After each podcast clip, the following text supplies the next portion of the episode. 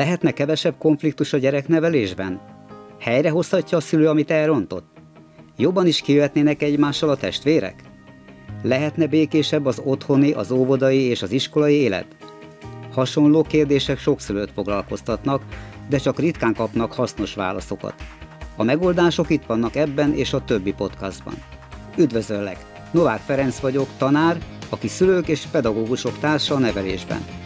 Az a célom, hogy a családi és az iskolai élet méltó legyen az emberhez. Mielőtt elkezdjük a mai témát, javaslom, hogy az adás után iratkozz fel a gyereknevelési levelekre a gyerekneveles.hu oldalon. Így nem maradsz le a gyereknevelésről közzétett gyakorlatias megoldásokról. A mai adás témája az, hogy mikor nehéz a gyereknevelés. Nem csak akkor érezhetjük úgy, hogy nehéz a nevelés, ha kifogytunk az eszközökből, vagy ha egyáltalán nem is volt valamire megoldásunk. Akadnak szülők, akik éppen csak nem látnak egy másik irányt, amerre mehetnének.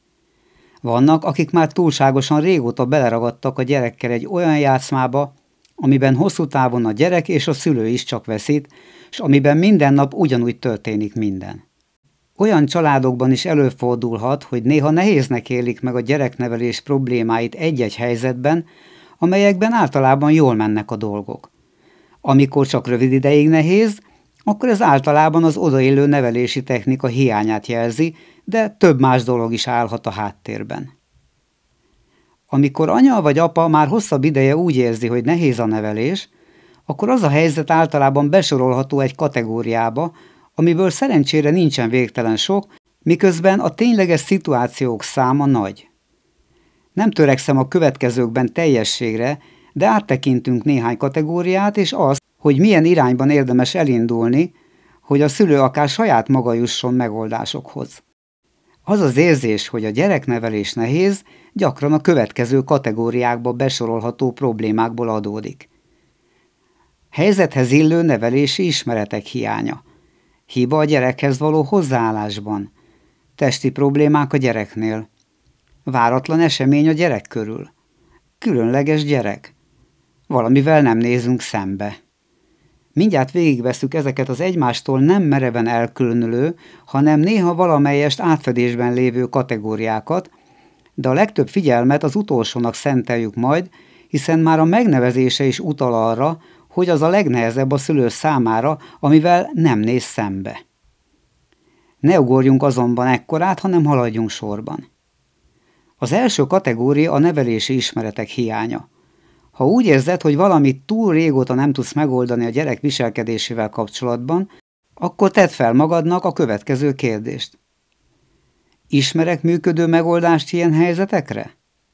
Ha a válasz nem, és akárhogyan töröd a fejed, nincsen újabb saját ötleted, ami reményel kesegtetne, akkor ne halogass, hanem fordulj valakihez, akiről tudod, hogy többnyire sikeresen neveli a gyerekét.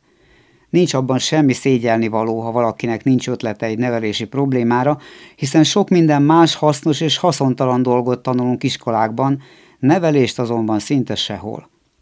A barátok, rokonok vagy más ismerősök között akadhat valaki, akinek tanácsában megbízhatsz, hát ha van egy bevált megoldása. Arra azonban ügyelni kell, hogy nyilvánvaló butaságokat ne vegyünk át másoktól akkor sem, ha az illető jó barátunk. Önmagában az, hogy az a másik szülő elért valamit a saját gyerekénél, még nem feltétlenül jelent jó megoldást. Egy nevelési módszer akkor értékes, ha a gyerek és az ő környezete számára is az optimális eredményt hozza, miközben valami kívánt eredmény érdekében nem töri meg az ő akaratát, személyiségét. Ha sok mindennel megpróbálkoztál már sikertelenül, akkor még gondold át azt, hogy néhány nevelési megoldás eleve csak hosszú távon hoz eredményeket. Ezért jobban tesszük, ha nem válogatjuk gyakran a megoldásainkat, hanem kitartóak vagyunk. Lehet, hogy volt egy jó megoldásod, de nem csináltátok elég ideig. Ha már a nevelési ismereteknél tartunk, akkor a legjobb ezeket előre megszerezni könyvekből és más szülőktől, mert akkor az új helyzetek nem érnek minket váratlanul. Valamiért azonban sajnos nem ez a felnőttek gyakorlata. Érdekes, hogy autót vezetni nem akkor tanulunk meg, amikor gyorsan autóba kellene pattannunk valami sürgős ügy miatt, hanem jóval korábban, hogy amikor szükség lesz rá, hogy mi vezessünk, akkor már legyen gyakorlatunk a vezetésben. Érdemes lenne ennek mintájára nem akkor érdeklődni a gyereknevelés iránt, amikor már nehéznek érezzük a gyereknevelést, hanem jóval hamarabb. A gyereknevelésről olvasók között vannak, akiknek nincsen gyerekük, hanem csak érdeklődnek a gyereknevelés technikái iránt. Nem tudom, miért szívügyük a nevelés, de valószínűleg könnyebben tudnak segíteni például a barátaiknak, akiknek van gyerekük, vagy később a saját gyereküknek, amikor majd megszületik az övék. Akármiért is foglalkoznak ezzel, jól teszik, mert nem csak szlogen a részemről, amit a gyereknevelési levelek elejére írok. A ma gyermeknevelése a világ holnapja. Az első kategória után lépjünk tovább a másodikra, ami a hiba a saját hozzáállásunkban. Nem állítom, hogy nálad van ilyen, de érdemes néha megvizsgálnunk saját hozzáállásunkat. Persze, hogy szeretjük a gyerekünket, és sok mindent megtennénk érte. Mégis érdemes őszintén ránéznünk erre. Mekkora az odaadásunk a gyerekért, és mennyire saját elvárásaink teljesítését várjuk tőle? Ez két kérdés egyszerre, melyek alapvetően meghatározzák, hogy nehéz a gyereknevelés vagy sem. Odadáson nem csak szeretetet értünk, mert az magától értetődő, hanem önzetlen tetteket és hajlandóságot a gyerekkel való igazi kommunikációra, amiben a neki szánt teljes figyelem egy igen fontos összetevő. Beszélgetéseinkben benne kell lennie annak az esélynek is, hogy mi változtatunk nézőpontot, nem pedig a gyerek fogad el valamit, amit mi szeretnénk. Az idők ugyanis változnak, így meg lehet, hogy ami a mi gyerekkorunkban elvárható volt tőlünk, az távol áll egy mai gyerektől. A hozzáállását mindenki magának alakítja ki. Szerencsére nagyon kevés szülőnek jut olyan helyzet, amikor például valami születési rendellenesség miatt élete és mindennapjai nagy részét a gyereknek kell szánnia. Mi többiek abban a helyzetben vagyunk, hogy könnyebben kialakíthatunk valamilyen arányt abban, hogy elegendő figyelmet és gondoskodást adunk a gyereknek, de közben életünk más oldalait is egyensúlyban tartjuk. Hozzáállásunkban az arányok döntők lehetnek. Az a szülő, aki indokolatlanul csak a gyerekének él, végül még a gyerek számára is teher lehet. Ez a szülő mondogatja azt a gyerekének és a párjának is, hogy pedig én rád áldoztam az egész életemet. Egy lehetséges másik véglet az, amikor a szülő úgy gondolja, hogy az a nevelés, ha enni ad a gyereknek és van hol aludnia. A kettő között széles skála húzódik meg, ahol mi szülők elhelyezhetjük magunkat. Mindenkinek magának kell megtalálnia azt az egyensúlyt, amely mellett az élete boldogság forrása lehet saját maga, gyermeke, felesége vagy férje, a barátai és munkahelye számára is. Honnan tudja valaki, hogy ez az egyensúly felborult? Onnan, hogy többnyire már nem boldog. Ilyenkor érdemes újra gondolni az arányokat. A gyerekkel kapcsolatos hozzáállásban arra érdemes törekedni, hogy ne akaszkodjunk túlságosan rá, de közben jusson neki bőven belőlünk, amiben és amikor szüksége van ránk. A létrehozott egyensúly természetesen nem állandó, ezért a gyerek életkorától, fejlődésétől és még sok minden mástól függően gyakran korrekcióra szorul. Ennek nyilvánvaló példája, hogy egy tizenéves már milyen sok függetlenségre vágyik, és hogy ezt szülőként képesnek is kell lennünk megadnunk neki. Térjünk át a nehéz nevelés egy következő lehetséges forrására. Néha neveléssel próbálnak megoldani olyan viselkedésbeli furcsaságokat, amelyeknek nincs, vagy kevés köze van a gyerekneveléshez. Az ilyenek származhatnak testi okokból is, miközben komoly lelki megnyilvánulásokban jelennek meg. Nincs ebben semmi különös. Ahogyan léteznek pszichoszomatikus betegségek, amikor tehát lelki oldalról betegítjük meg a testet, úgy létezik ennek fordítottja is. A betegség lelki tünetekben is megnyilvánulhat, ami nem csak gyerekeknél, hanem felnőtteknél is okozhat viselkedésbeli változásokat. Ezért, ha a szülő úgy tapasztalja, hogy nehézé vált a nevelés, akkor érdemes előbb a következő pontokon végigmennie és változtatnia azon, amelyikről tudja, hogy nincs rendben. Ezek a következők. Eleget alszik a gyerek? Eleget eszik a gyerek? Tápláló, amit eszik? Sok édességet, energiaitalt, vagy esetleg titokban alkoholt fogyaszt? Van valamilyen orvosi problémája, ami még nem ismert, és így nincsen kezelés alatt? Például testi fájdalmak, szédülés, ételintolerancia, allergia és még sok minden más. Ezeket nyilvánvalóan orvossal, dietetikussal, természetgyógyásszal vagy más odaélő szakemberrel érdemes kezelni. Most nézzük a váratlan és ismeretlen esemény problémáját.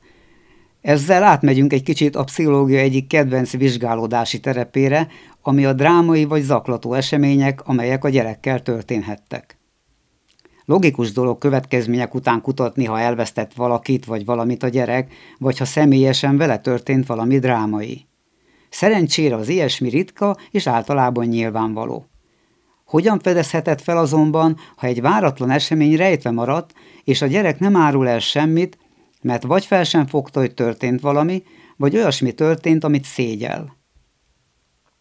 Azt az időtartamot kell a lehető legjobban behatárolnod, ahonnan kezdve rossz irányba fordultak a dolgok. Ha rájöttél, hogy körülbelül mióta, akkor még azt kell megvizsgálnod, hogy mi változott, mi történt akkoriban. Érdemes a gyereket is megkérdezni arról az időszakról, mert lehet, hogy ő elmesél majd neked valamit, aminek nem tulajdonít nagy jelentőséget, de téged útba igazít azzal. Akár olyan egyszerű esemény is okozhatott változást, mint például új pattársa lett az iskolában, vagy elment valaki az osztályból, aki fontos volt neki. Felszíre bukkanhatnak komolyabb dolgok is, például valaki rendszeresen hetszeli őt, vagy fizikailag bántja. Ha megértettük, hogy mi volt az a váratlan vagy ismeretlen esemény, ahonnan kezdve nehézé vált a nevelés, akkor jön annak a problémának a megoldása. A konkrét eset ismeretének hiányában nem oldhatjuk meg ezeket most itt előre.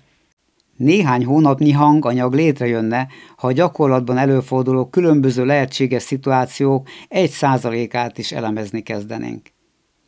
A váratlan eseményt azért említettem, hogy rávilágítsak arra, hogy a változás időpontjának behatárolása mindig a segítségedre lesz abban, hogy megtaláld a valódi okot, mert a nehéz nevelés oka ebben az esetben sem az, hogy baj van a gyerekkel. Az csak tünet. Néha attól válik nehézé a nevelés, hogy nem ismerjük fel azt, hogy valamiben különleges a gyerek. Erre logikusan kérdezhet valaki vissza, miért, melyik gyerek nem különleges. Bár beszélnek tehetségesebb gyerekekről, sőt különleges tehetségekről is, mégis az a helyzet, hogy minden gyermek már önmagában is egy különlegesség, legfeljebb nem ismerjük fel azt, hogy miben az. A tehetséggondozás több szakma határán mozgó különleges specialitás. Néhány doboznyi könyvet és tanulmányt megírtak már ebben a témában, és valószínűleg sohasem ér véget ennek kutatása és dokumentálása. Nem kell azonban ahhoz mondjuk sakzseninek vagy fejszámoló művésznek lennie a gyereknek már öt éves korában, hogy valamiben különleges legyen. Most tehát nem a tehetséggondozásról beszélek. Igen, egyszerűen csak az egyéniségről van szó. A világ oktatási és nevelési rendszerei különböző mértékben alkalmasak, pontosabban inkább alkalmatlanok arra, hogy a gyerekek azzal foglalkozhassanak többet, ami iránt erősebb az érdeklődésük, amifelé természetes módon hajtanák őket lelki és testi adottságaik. Vannak gyerekek, akik azért mutatnak nagy eltérést saját korosztályok viselkedéséhez, haladásához képest, mert az átlagos oktatás és nevelés kereteiben nem érvényesülhetnek saját képességeik. Legtöbbször a felnőttek sem fedezik fel ezeket a képességeket. Általában azért nem, mert vagy nem látványosak, vagy fordítva, annyira nyilvánvalóak, hogy a szülő úgy gondolja, hogy az csak egy hóbort. Érdemes tehát figyelmet helyezni rá, és felfedezni, miben különleges, miben egyéni a gyermekünk, és támogatni az ebben az irányban létező érdeklődését még akkor is, ha ez nem mutat egy későbbi lehetséges szakma irányába. Ha ugyanis támogatod a gyereket abban, amiben ő sajátos, egyedi vagy különleges, akkor létrejön nála egyfajta érezhető elégedettség, nyugodtság, mivel érzékeli, hogy irányban van. Egy stabil lelki alapokon álló gyerek pedig jobban viseli az oktatási rendszer sablonos, finoman szólva, nem gyerekbarát kereteit is. A mai társadalmi keretek között szinte alig jön létre, és marad fenn olyan iskola, ami a gyerekek egyéniségére alapoz, nem pedig a társadalom sablonos elvárásainak akar megfelelni. Ebben a helyzetben sokkal több hárul a szőre, hogy a gyerek mégis megőrizze valamelyest az egyéniségét. Lehetünk reálisak, és akkor nem várunk csodákat a szülőktől, akiknek a mindennapos megélhetés előteremtése adatik a helyet, hogy eleget lehetnének a gyerekkel. Mégis muszáj tennünk valamit, ha a nevelés azért válik nehézé, mert a gyerek különleges valamiben. A legkevesebb, amit megtehetünk, hogy nem vagyunk maximalisták, tehát nem várjuk el, hogy minden hivatalosan elvált dologban jól teljesítsen, hanem levesszük a válláról a teljesítménykényszer terhét, és legalább részben azt mondjuk neki, hogy foglalkozz leginkább ezzel, hiszen ebben nagyon tehetséges vagy. Amikor már szinte ötletünk sincsen, hogy mitől vált nehézzi a gyereknevelés, akkor elérkeztünk oda, amiben a szülők leginkább segítségre szorulnak. Meg lehet, hogy valamivel kellemetlen szembenézniük, és csak ezt teszi nehézzé a nevelést. Jó példa erre az elkényeztetett gyerek esete. A szülők néha úgy érzik, hogy ha megfelelő cserét várnak el gyermeküktől, akkor az ellent mondana a feltétlen szeretetüknek. Ez pedig nem így van. Ha a gyerek nem adhat cserét a gondoskodásért, akkor egy idő múlva haszontalannak érezheti magát, ami miatt különféle meglepő érzelmi reakciót és viselkedést is kaphatunk tőle. Lehet, hogy buskomorá válik, de követelőzzést és akár agresszivitást is tapasztalhatsz. Sokféle más módon is megnyilvánulhat az, hogy nem nézünk szembe valamivel. Ezek általában nem szándékosan, hanem ismeretek hiánya miatt, néha gyengeség vagy más nagyon is emberi dolgok miatt történnek így. Az elkényeztetés csak egy példa volt azon dolgok közül, amivel a szű esetleg nem néz könnyen szembe. Sok-sok más is lehetséges azonban. Íme néhány kérdés, ami a szülőt nyomra vezetheti saját magával kapcsolatban. Nem gondolom, hogy magaddal kellene beszélgetned, de a kérdések úgy vannak megfogalmazva, hogy magadnak feltehesd. Ha van rá módod, kérj meg valaki mást, hogy ő tegye fel ezeket a kérdéseket neked, persze akkor már kissé átalakítva. A kérdések nehézségi sorrendben a következők. Van valami, amin nem szívesen változtatnék a gyerekkel kapcsolatban? Van valami, amit időhiányában nem tudnék megtenni érte, pedig kellene? Van valami, amin változtatnom kellene a gyerekkel kapcsolatban, de ahhoz nekem kellene feladnom dolgokat? Elrontottam valamit a nevelésben, amiről nem szeretném, hogy más tudjon? Van valami a gyerekkel kapcsolatban, amin azért nem változtatok, mert valaki más nem örülne neki? Ezek komoly kérdések, és még komolyabbak lehetnek a rájuk adott válaszok. Ez nem meglepő. Pontosan azért nem nézett velük szembe eddig a szülő, mert az őszinte válaszokat olyan tetteknek kellene követniük, amelyek túlmutathatnak az ő komfortzónáján. Talán valami túl nagy áldozat lenne. Talán valami mást, vagy valaki mást elveszíthetne, ha megtenné ezt a gyerekért. Ne legyünk azonban ennyire drámaiak, és ne feltételezzünk lehetetlen dolgokat. Ha már semmi sem segít a nevelésben, akkor csak tedd fel magadnak ezeket a kérdéseket, válaszold meg őszintén, és azután még mindig eldöntheted, hogy van erőd ahhoz a változáshoz, vagy nincs. Sokkal jobb azonban tisztán látni, mint homokba dugott fejjel ámélkodni azon, hogy milyen homályos is minden.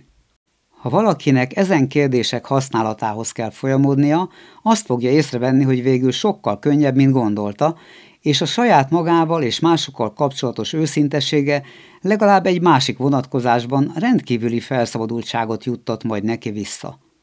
Bár nem merítettük ki, de végére értünk ennek a nehéz nevelés témának. Ugye nem is volt olyan nehéz. Novák Ferencet hallottad. Ha szeretnél továbbra is kapcsolatban maradni a gyereknevelés működő eszközeivel, akkor iratkozz fel a gyereknevelés podcast csatornámra. A gyereknevelési leveleket is megkaphatod rendszeresen. Ezek olyan írásokat is tartalmaznak, amelyek nem találhatók meg az interneten. A levelekre a gyerekneveles.hu oldalon iratkozhatsz fel, és ott írhatsz is közvetlenül nekem. Viszont hallásra a következő adásban.